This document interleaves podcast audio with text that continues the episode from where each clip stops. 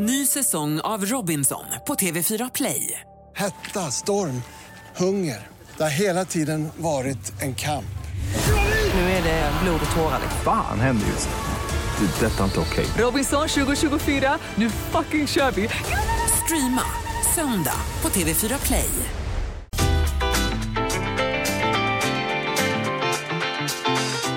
Lotta Bromé på Mix Megapol.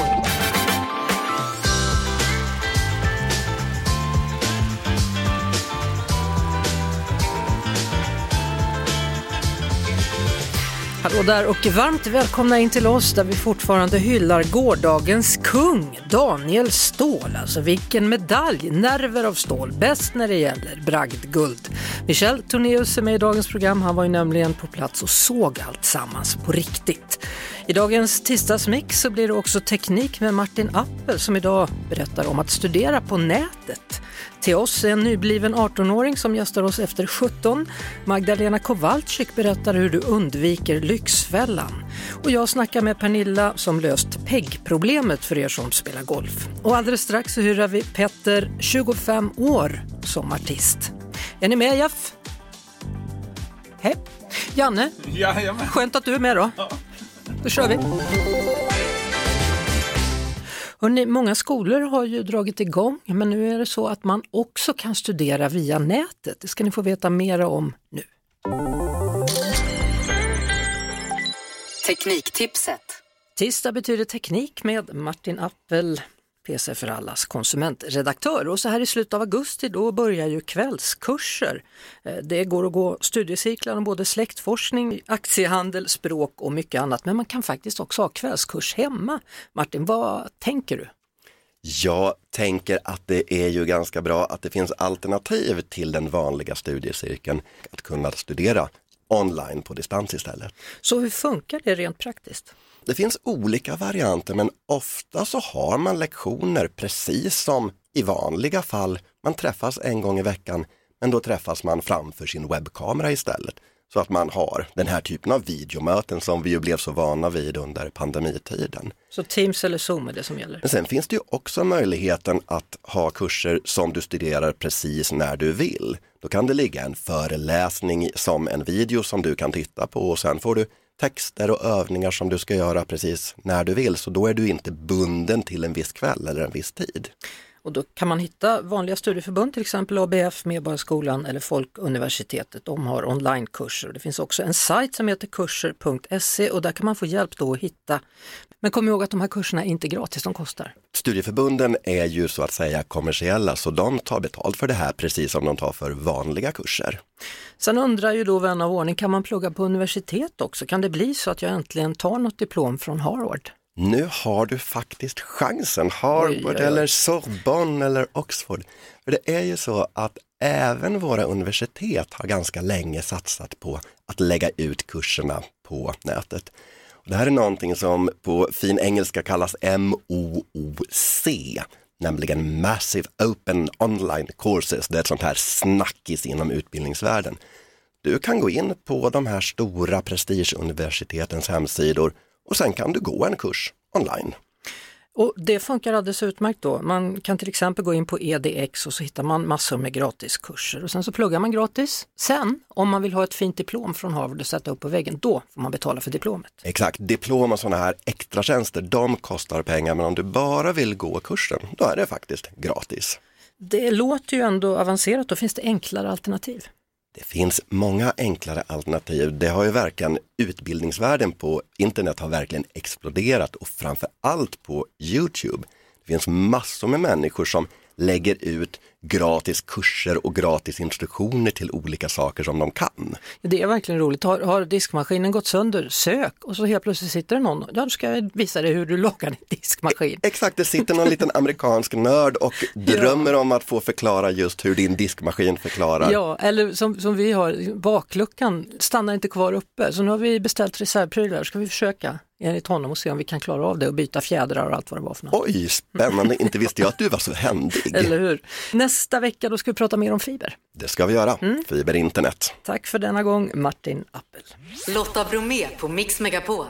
Hörrni, jag vet inte om du som lyssnar kollade på tv igår, men det gjorde ju jag då. Och det var ju otroligt spännande när Daniel Ståhl skulle köra sitt sista kast i diskusfinalen i friidrotts-VM. För då hopp, liksom slets man verkligen mellan förtvivlan, hopp och förtvivlan och förtvivlan. Eftersom den som eh, låg tvåa gjorde ett jättekast. Och frågan är, hur var det för dig Michel Tornéus, du fyras expert på plats i Budapest? Hej! Jo, men det var, det var en, en riktigt häftig kväll och eh, att få se Daniel Ståhl gå in i sista kastet. Han har precis blivit omkastad av slovenen Christian Czech med en och en halv meter. Och då tänker man ju så här, det här, det här blir svårt. Kan han gå över 70 i en, i en, en VM-final? Han går in och gör 71 meter och 46 centimeter som är det längsta som någonsin har kastats i en VM. Alltså- Alltså, ett mästerskapsrekord, ett guld i sista kastet i hela tävlingen. Det är, jag är så imponerad och det var så kul att vara där inne på arenan. Jag förstår det. Vi lyssnar på det, hur det lät. Okej? Ja.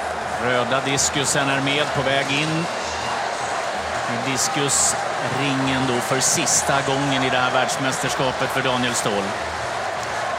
Måste alltså kasta 70.02 eller längre för att ta sig förbi Christian Czech.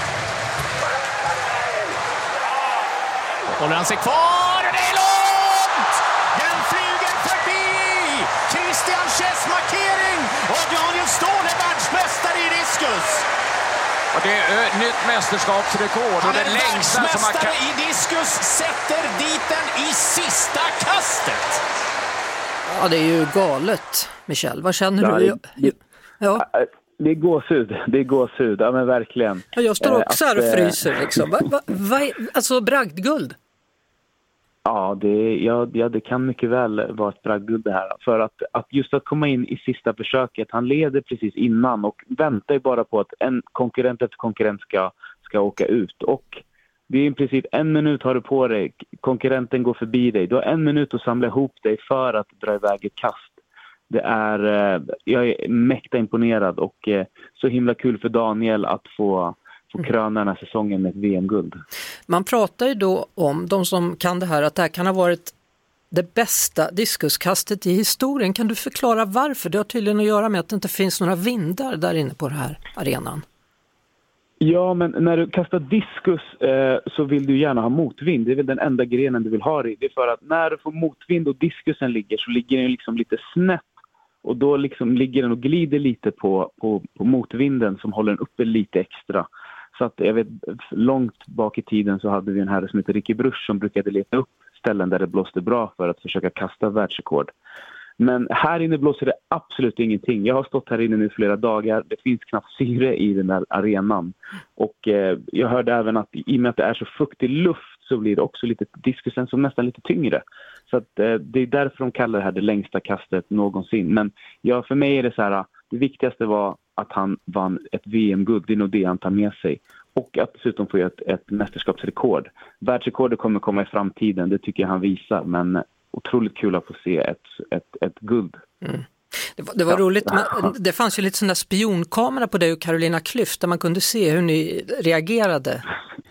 ja, Ja, ja det, det, man, man lever sig ju verkligen in i det här. Jag känner ju Daniel Ståhl sen han, eh, sen många, många år tillbaka. När han var, liksom, jag, jag, jag har sett honom växa upp i, den, i träningshallen där jag har tränat och eh, har sett honom liksom bli en fantastisk idrottare och en fantastisk diskuskastare. Och, eh, förra året var ju lite tyngre för honom. Det kom upp nya konkurrenter och eh, man var lite orolig. Så här, kan det här vara någonting som kommer liksom göra att det blir tufft? Var det liksom, kommer vi inte få mer medaljer? Men jag tycker att han, han kommer tillbaka nu och verkligen visar vart skåpet ska stå och det är han som är chefen.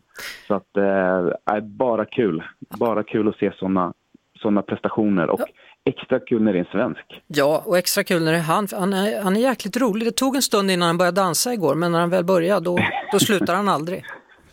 Ja, nej, men han var, han var väldigt fokuserad. Det, det har man sett hela, hela, i hans förberedelser nu också. Att han har varit väldigt fokuserad på den här uppgiften och han ville väldigt gärna visa liksom, vad han kan göra. Så att, eh, Mm. det var en, ja, lite andra minspel, men eh, man såg till slut att det, lättnaden kom och glädjen kom Mm. och han vågade till slut dela med sig av ett leende. Ja, det är härligt. Eh, tack för nu och lycka till ikväll då Michel Tornéus. Vi hoppas på mer svenska framgångar då, bland annat då med Andreas Kramer på 800 meter. Tack så mycket, ha det bra. Ja, detsamma. Du, vet du vad du ska få höra nu? Ja, Nu ska du få höra den Nej. isländske kommentatorn när han såg Ståhls diskuskast. Är du med? det ser jag fram emot. Ja, det kommer fram det. Nu kommer det. Yfir 70 metra, hvað gerir Daniel? Og þessu nær hann vel. En hversu vel? Já, já, já!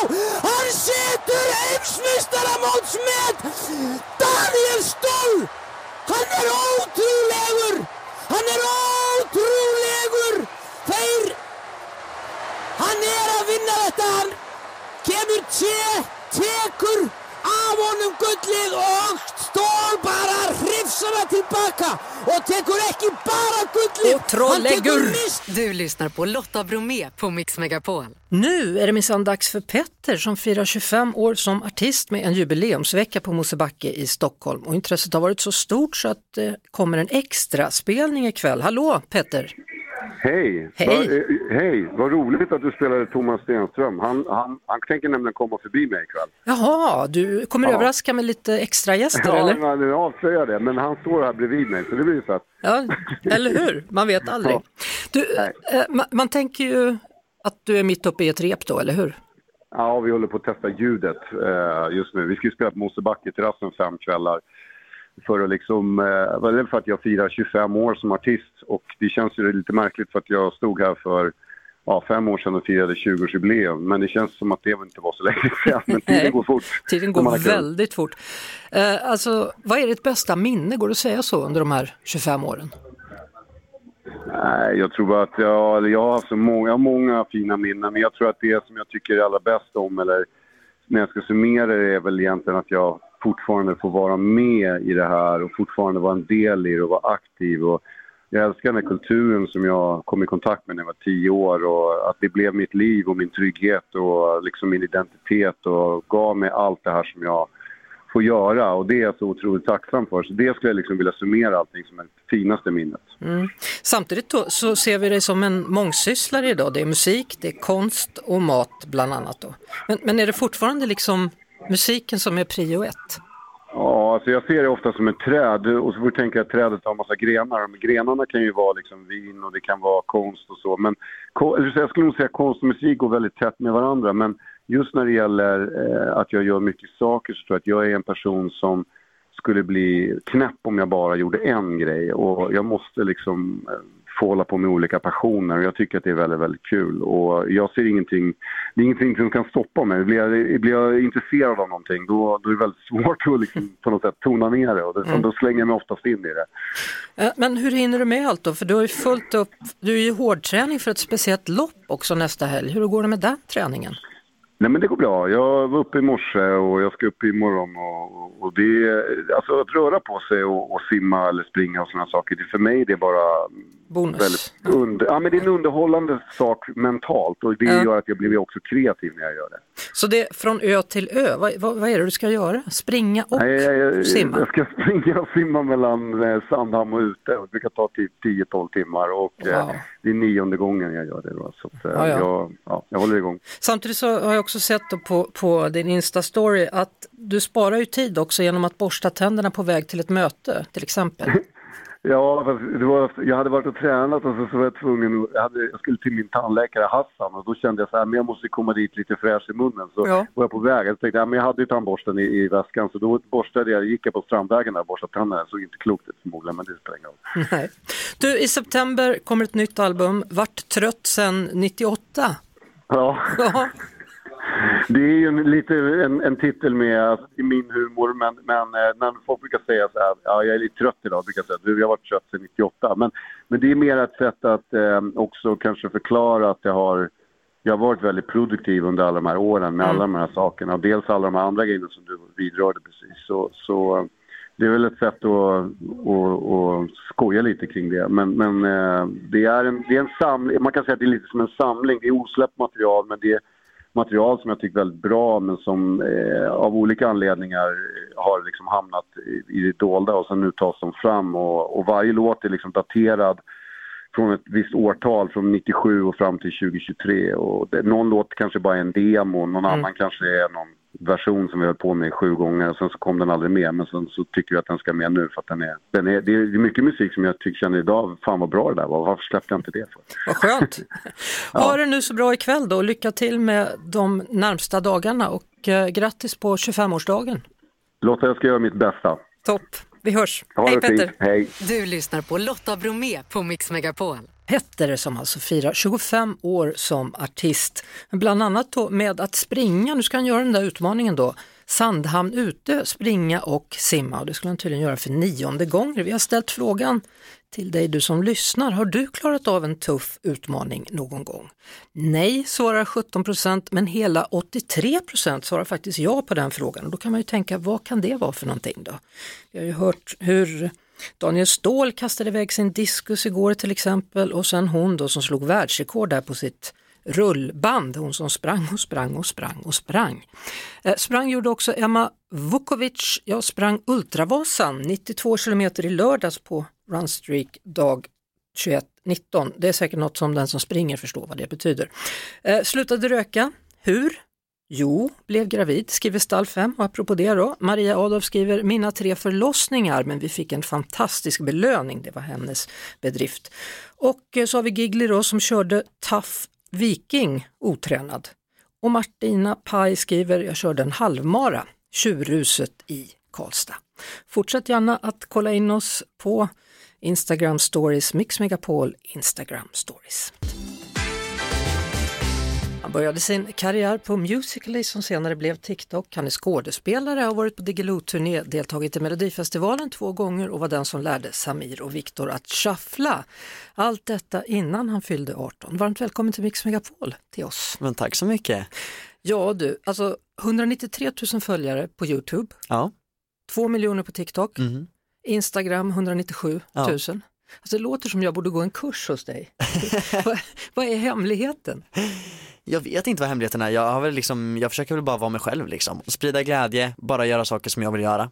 Jag tänkte när, när du kom in och satte dig, det första du gjorde var att du tog en bild på dig själv. Åker den direkt ut då? Ja, försöker uppdatera mycket. Jag vill ju ändå liksom att folk ska veta vad jag gör. Liksom, så jag vill liksom ändå interagera liksom med mina som följer mig och jag tycker det är viktigt liksom.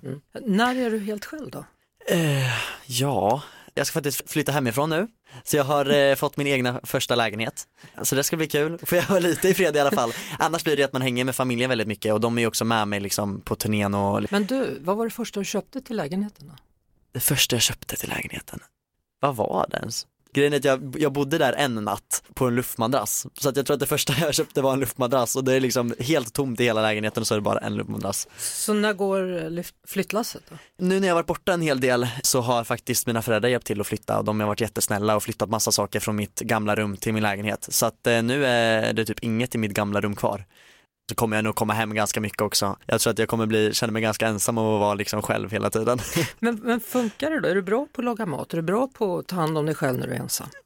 Jag tror det, eller jag försöker tro det i alla fall. Jag tänker positivt i alla fall om det, men vi får se hur det blir sen. Men jag tror att det kommer gå ganska bra.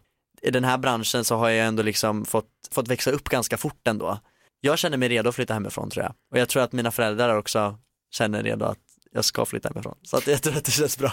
Om du tänker på den här sommaren då, sommaren 2023. Ja. Har det varit många spelningar? Väldigt mycket spelningar och sen har jag ganska mycket kvar ändå och nu börjar jag liksom skolan imorgon.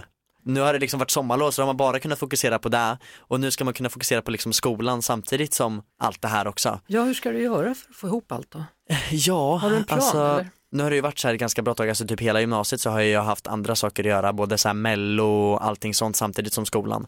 Jag vet hur mycket tid jag behöver lägga på skolan och sånt och jag vet hur mycket tid jag måste lägga på allt annat jobb och sånt, för jag vill ju kunna liksom prestera på båda. Och Jag vill ha en utbildning och gå i skolan men samtidigt så vill jag liksom inte lägga bort musiken och allting sånt. Vad är det bästa med att vara oss? Det bästa? Nej men det är väl att jag får liksom göra det jag älskar, jag brinner verkligen för musiken och jag älskar att dansa och sjunga och allting sånt. Känner mig väldigt tacksam att jag får göra det som jag älskar. Och vilka låtar är du mest nöjd med? Jag gillar ju, alltså att uppträda med låtar så gillar jag ju mellolåtarna väldigt mycket för folk sjunger ju verkligen med i dem, alltså högt. Både som du vill och mera dig. Men sen så har jag ju min gamla dänga Het som har liksom nästan 18 miljoner streams på Spotify. Det är typ min mest spelade låt tror jag. Och den sjunger folk också med i väldigt mycket. Så att eh, den, ja. Ska vi köra den het? Ja, det tycker jag. Då gör vi det. Het med till oss som är dagens gäst. Du har ju precis fyllt 18. Ja. Så nu är du så att säga vuxen då på pappret i alla fall. Ja. Hur var det? Alltså det känns ju något som man har längtat efter. Det, liksom, det kändes som en milstolpe att typ fylla 15, där man kunde ta så här moppekort och allting sånt. Och sen så dagen efter det så längtade man ju bara tills man skulle bli 18. Och jag känner mig vuxen nu på riktigt. Vad är vuxenpoäng i din värld? Ja, du, jag vet inte. Grejen är den att jag känner ju bara liksom så här vuxenpoäng och bara flytta hemifrån och att man ska ta hand om sin egna ekonomi och så här. Det är klart att jag kommer ta hjälp mycket av mina föräldrar fortfarande också. Men eh, det känns ändå stort att vara 18. Det känns ju som att det är väldigt mycket som man liksom får göra. Har du tagit körkort? Nej, inte än. Jag har börjat övningsköra lite så. Det har jag gjort ett tag nu. Men jag känner att när det här har lagt sig lite och det kanske är lite mindre jobb, då, då ska jag försöka ta körkort. Ja, betala räkningar. Det har jag börjat göra. Ja. Och jag har skrivit på liksom så här hyresavtal och grejer, eller så här, verkligen vuxengrejer. Soporna, sopsorterar. Ja, det har jag väl börjat göra lite också. Du ser vad poäng, det är snart full pott här. Ja. Pensionssparar. Eh, nej, vet jag ingenting om. Nej. Det, det är jag lite dålig koll på. Om man tänker så här så, så har ju du ändå, du har ju vuxit upp på sociala medier kan man väl nästan säga. Ja. Du, du visar ju ditt liv liksom. Mm. Hur, hur är det att växa upp? Ja, nej, men jag började ju liksom med YouTube och eh, TikTok och de här grejerna. Och jag trodde absolut inte att det skulle bli liksom att folk gillade det jag gjorde, att det skulle bli liksom värsta uppsvinget. Mm.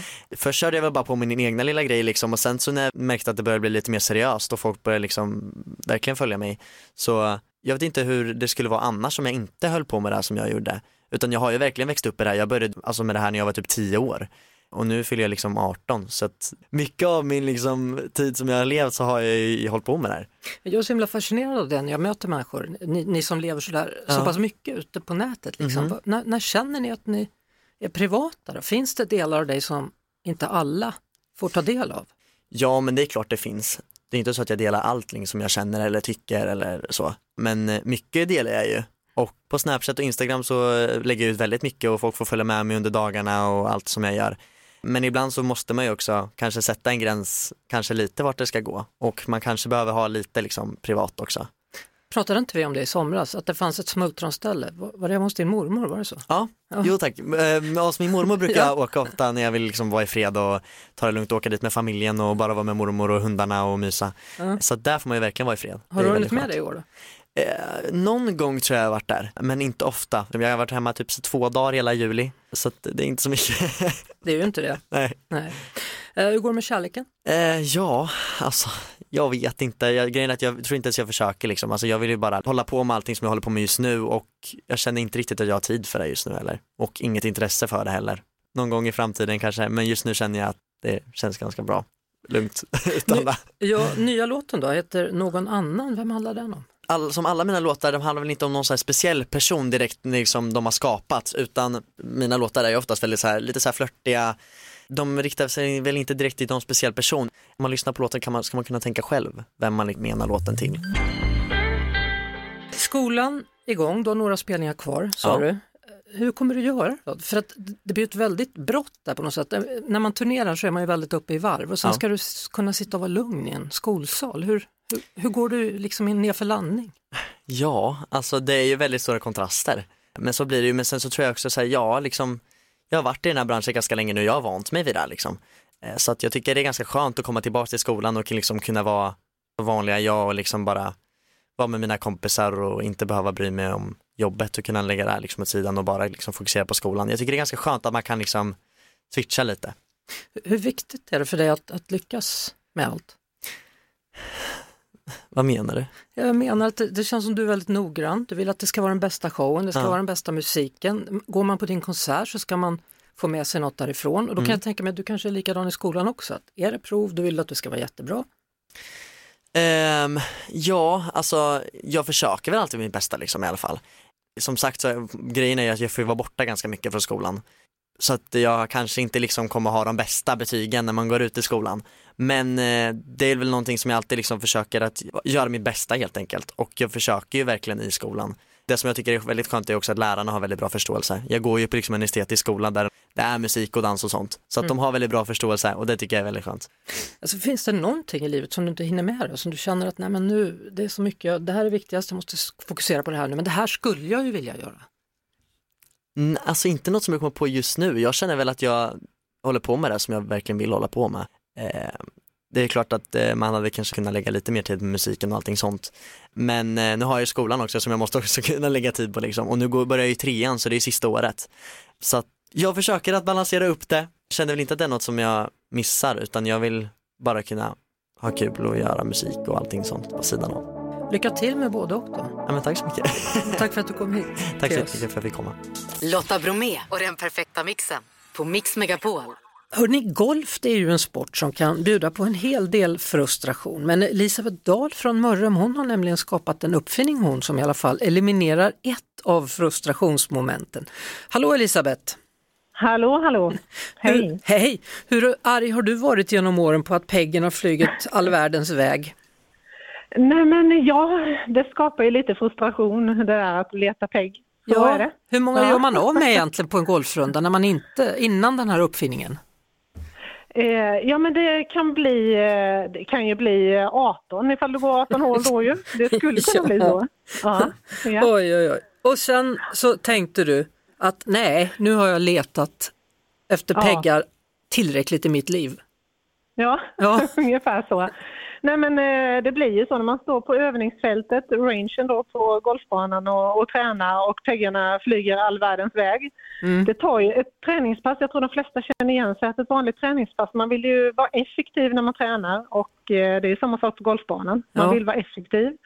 Och det kan man inte vara för peggarna flyger iväg och då får man stå och vänta på att alla andra ska slå ut sina bollar och för att man ska vara säker och kunna gå ut och hämta sina peggar och så. Mm. Så, eh, så det flyger en del peggar och det tar lite tid och eh, det där tröttnade jag på. Och då så, mm, satte du dig ner och tänkte till, vad är det du har uppfunnit?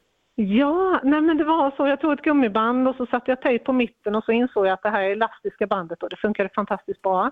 Och sen började jag tillverka en produkt då som en Pegmate. Ja. Vad heter den? Pegkompis.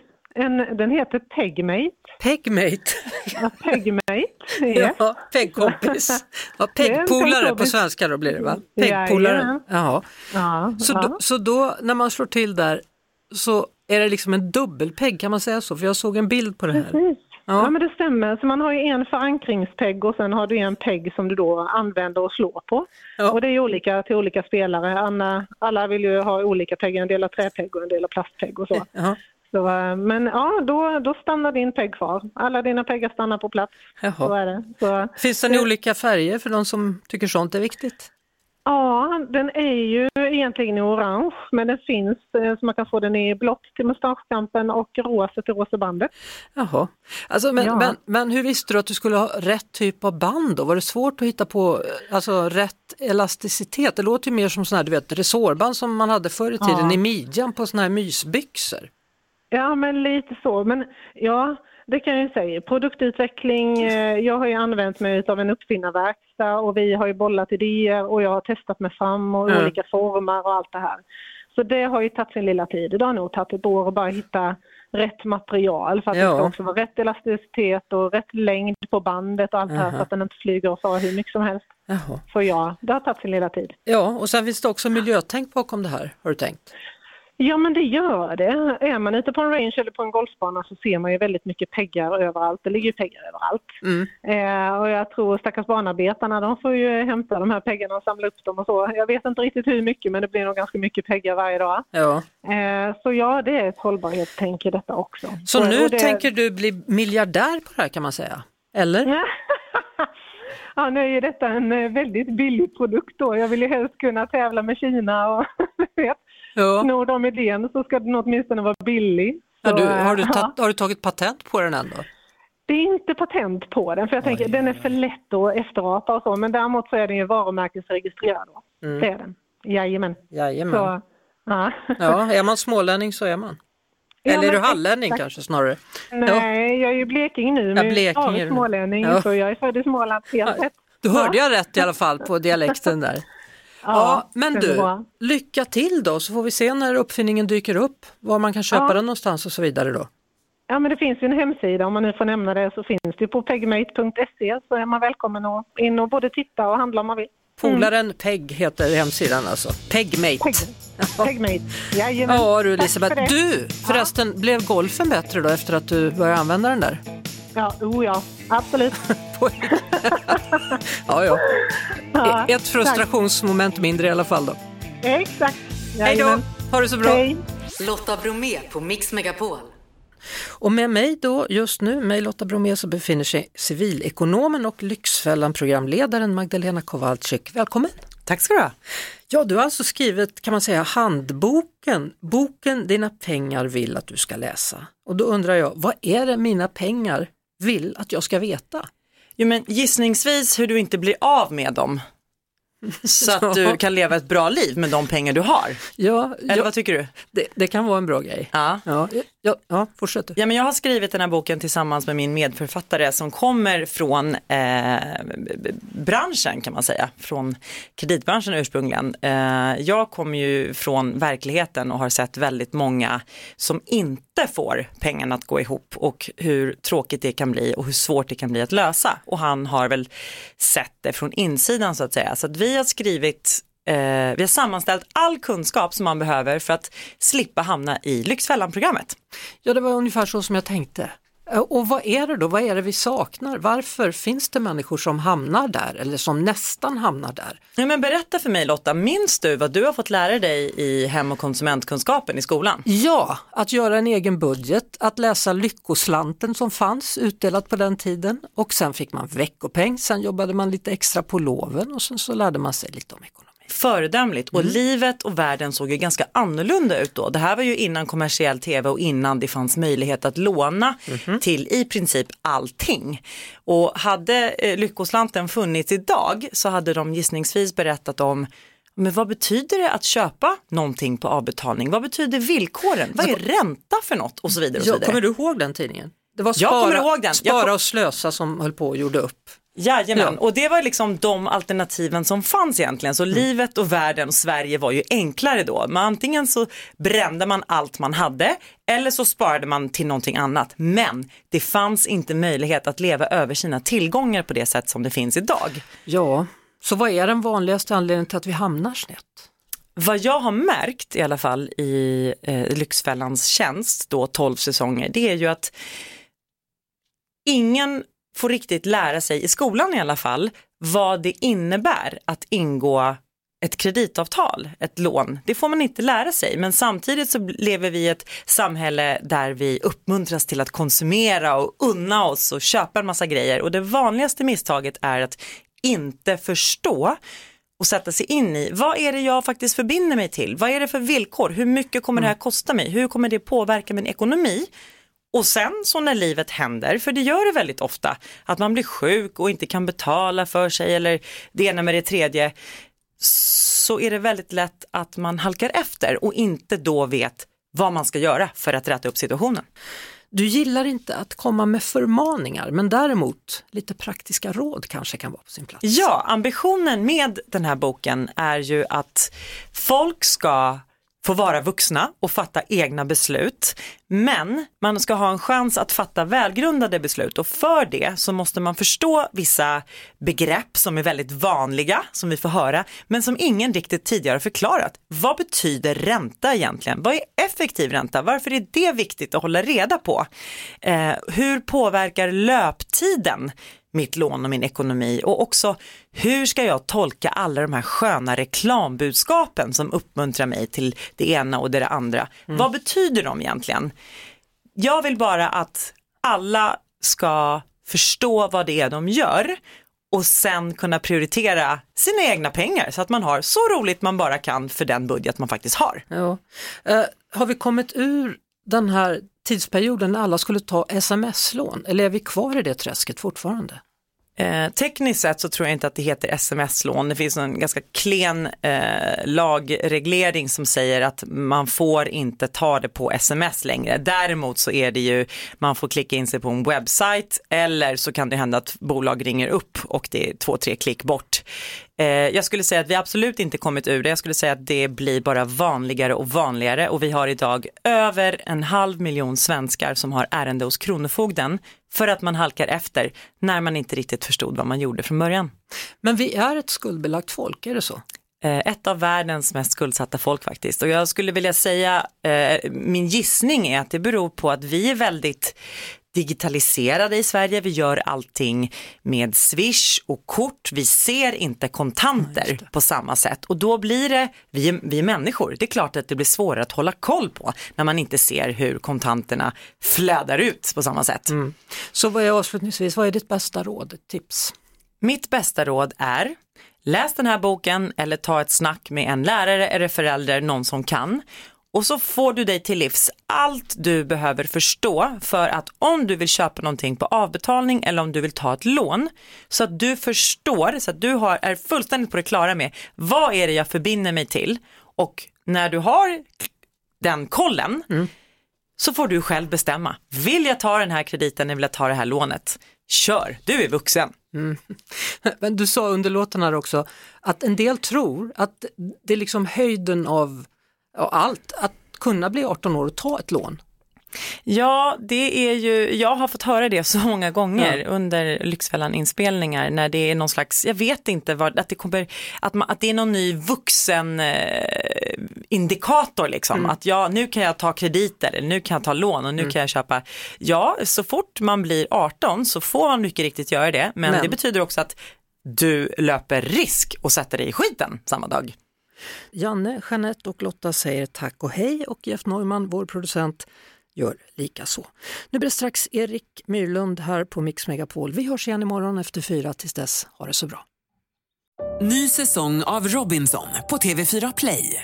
Hetta, storm, hunger. Det har hela tiden varit en kamp. Nu är det blod och tårar. Fan händer just det. det detta är inte okej. Okay. Robinson 2024, nu fucking kör vi. Streama söndag på TV4 Play.